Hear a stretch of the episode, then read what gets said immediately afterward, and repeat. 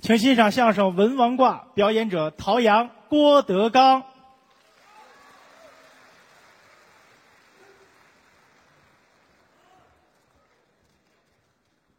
谢谢谢谢，太高了吧？高，太高了，还能长呢，孩子很高兴。啊！你还会说点别的吗？啊今儿怎么老说这句啊？今天拜师啊，啊，大伙儿都看见了啊！五个人，哎，五个人拜师，五个人，对我们五个人啊，是是，我听明白了，啊啊，五个人。跟嗯，我是最小的一个，哎，这都瞧见了，我是大师哥，哎这这不太像人话啊！你最小，你怎么会是大师哥呢？这合理呀、怎么呢？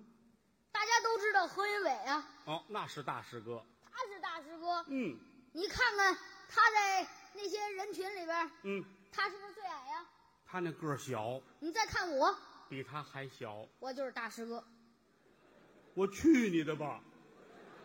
我真应人那话了，黄鼠狼下豆鼠子，一辈儿不如一辈儿了。咱们这玩意儿不按个头来说，你知道吗？哦，我不是大师哥，有进门的早晚，再一个人家比你学的年头多，能耐都比你大呀。您这话我不爱听了，怎么呢？不爱听了，我去， 干嘛还说两遍呢？我也能学呀、哦，你也说学逗唱我也会呀、这四门功课你都行吗？尤尤其唱啊，其实说这个，好多人都认识他，都管他叫京剧的神童。京剧我们听过你唱，嗯，今天这个机会是打算唱两句啊，是怎么着啊？肯定得唱了。啊，你拿手的是京剧的老生，对，那你打算唱一什么呢？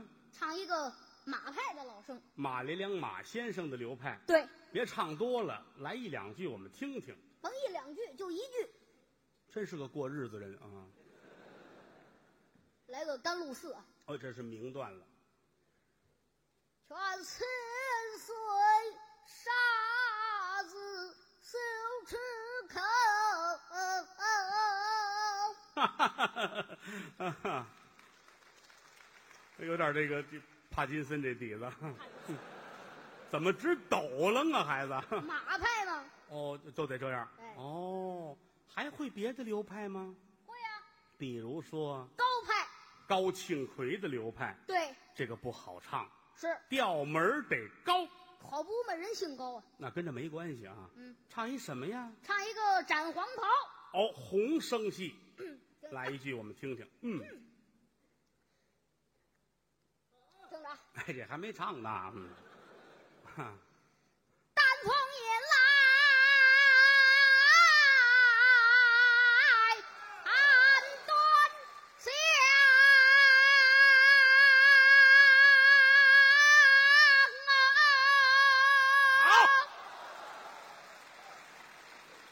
真好，一帮人掉河里，就你能救起来。你喊救命，他们听得见。这就是高派，这是高派，老生的流派，听你唱过很多，对我们都听腻了。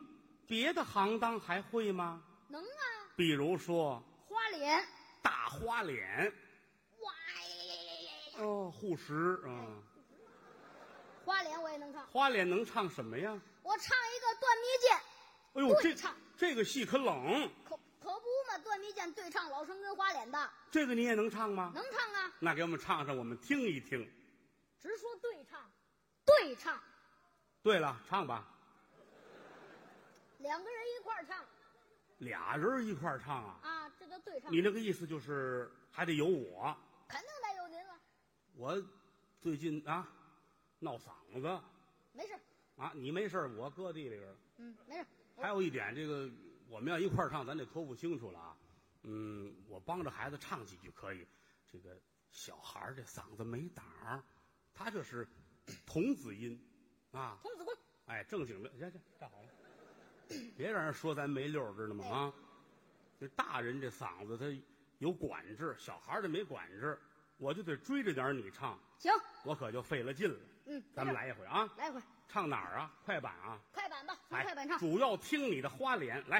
啊嗯，昨夜晚在宫中饮穷，我将夫妻们对坐我叙叙家常。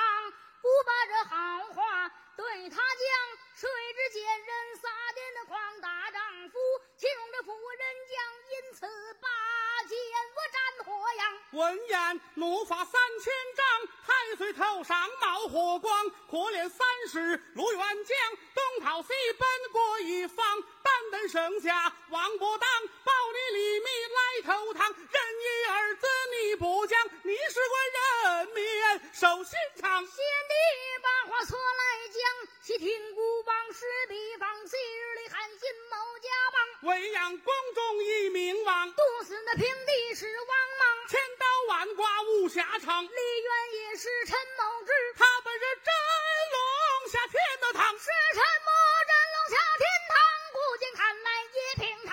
此去解来的兵的活将，他来人马翻打挡，唐氏的江山贵国丈，封李国祭子并肩王。将什么一次并肩王，修得好节俭无光，你好比人心不足蛇吞象，不学也能见太阳。错容还须错容王，君臣一路好商量，利弊大马长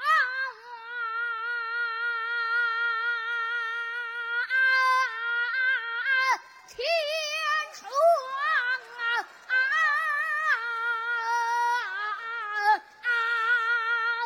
好，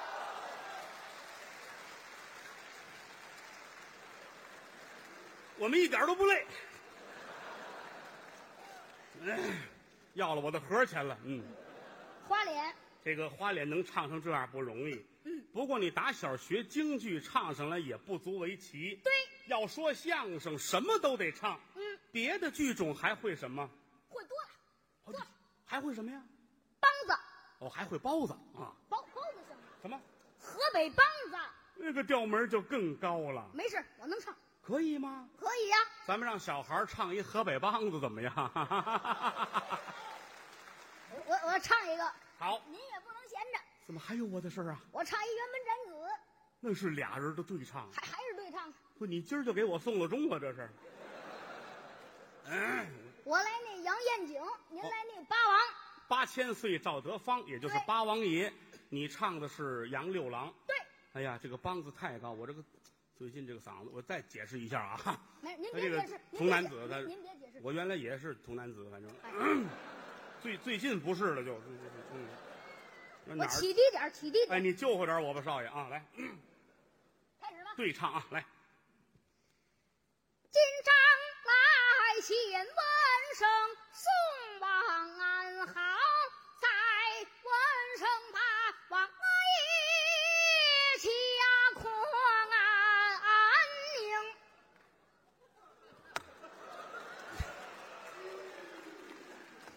我说黄安好，道安好，问本的玉安的你，道也安的你。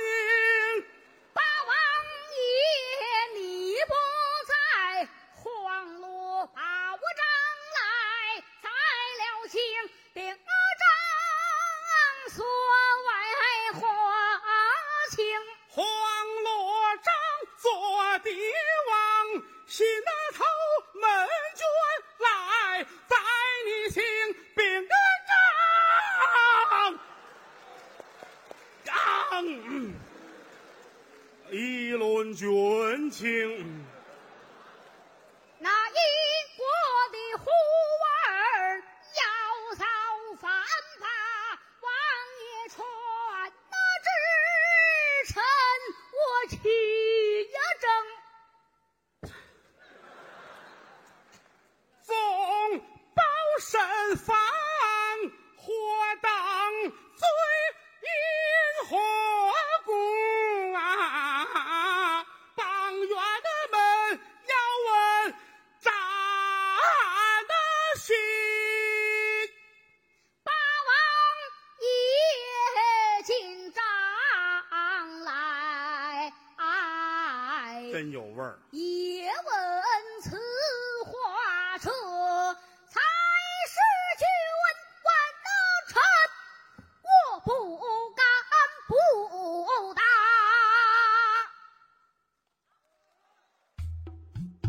您现在收听到的栏目由喜马拉雅和德云社共同出品，欢迎您继续收听。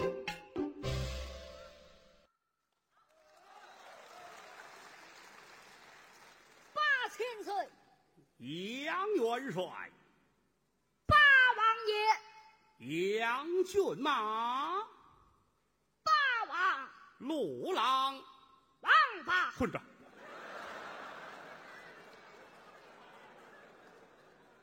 你这让于谦儿听见，他得生气。他就腻歪别人喊他小名儿。辕门斩子，这你唱的是这个河北梆子，河北梆子啊对，这些个都是学唱，真正说相声了，有咱们自己本门的唱功。太平歌词，哎，这孩子没少听。太平歌词啊，有多少种唱法？对一个人唱的，俩人唱的，一帮人唱的都有。有准词儿的，没准词儿的，可全都有。对，有新调和老调，好多种唱法。嗯学这个得下功夫。是，你会吗？我会啊，太平歌词也会啊？我会，真的呀？看看我，啊，没看出来怎么样啊？今天要大师哥呀，什么叫大师哥？大师哥在山底下压着呢啊！唱一个太平歌词，你真会太平歌词吗？真会啊，那你说一个，咱们俩人唱的有没有啊？嗯有啊，比如文王卦这孩子说话太狂了，怎么呢？太平歌词老调的唱法有一种俩人对唱叫文王卦，有时有准词儿，有人没准词儿。打解放到现在，没有人再唱过了，唯一留下来一个一分半的录音，侯宝林先生和刘刘宝瑞先生的。对对，你要唱这个，这可是丢人现眼的事儿，弄不好就忘了。我说的是我，也有可能，我很多年没有唱这个玩意儿了啊没。事，我也那很咱们多试试年吧了嗯，如果我们爷儿俩唱哪儿忘了，大伙儿多做自我批评啊，好吧？嗯，我还带着家伙来的啊，打我板们，有两块板儿，这叫玉子啊。咱们打板儿唱啊，哎，跟真的似的啊哎。你想想，倒磨倒磨词儿啊。哎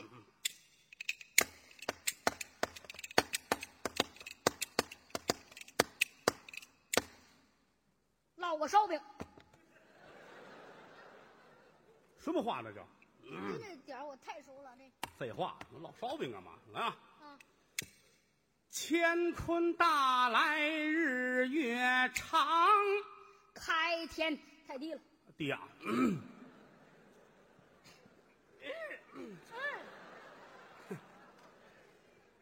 少爷您多避屈吧啊！哎，看，就这样吧啊！哎，开天辟地日月长，这行吗？行，再来啊，走走走走。乾坤大来日月长，开天辟地有阴阳，三皇五帝川流下，千古渔樵话兴亡。昔日里有了一个江绿王。渭水河边钓文王，龙驹碾拉起了江丞相，周文王为国就放忠良，连拉了八百单的八步，全凭着文王八卦算过阴阳，哎，算了又算，娶媳妇儿倒比这出殡的强。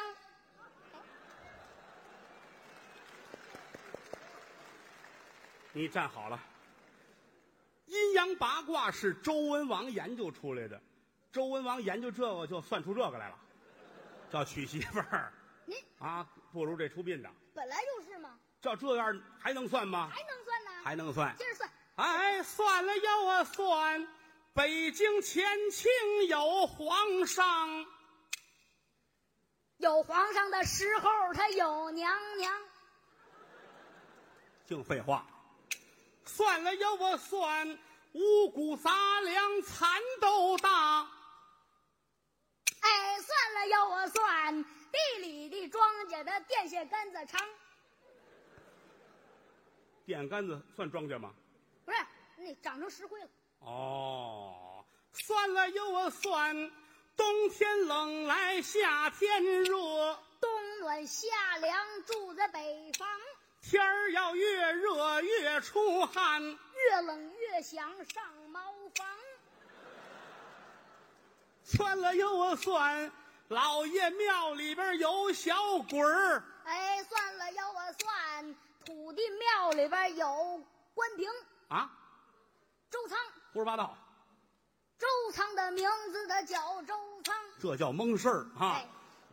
哎，算了又我算，我算了又我算，毛巾当不了这毛巾的被，哎，算了要我算，棺材当不了这沙发床，我算了又我算，爷儿俩说话地位大，他爹的名字他叫陶阳，去你的吧！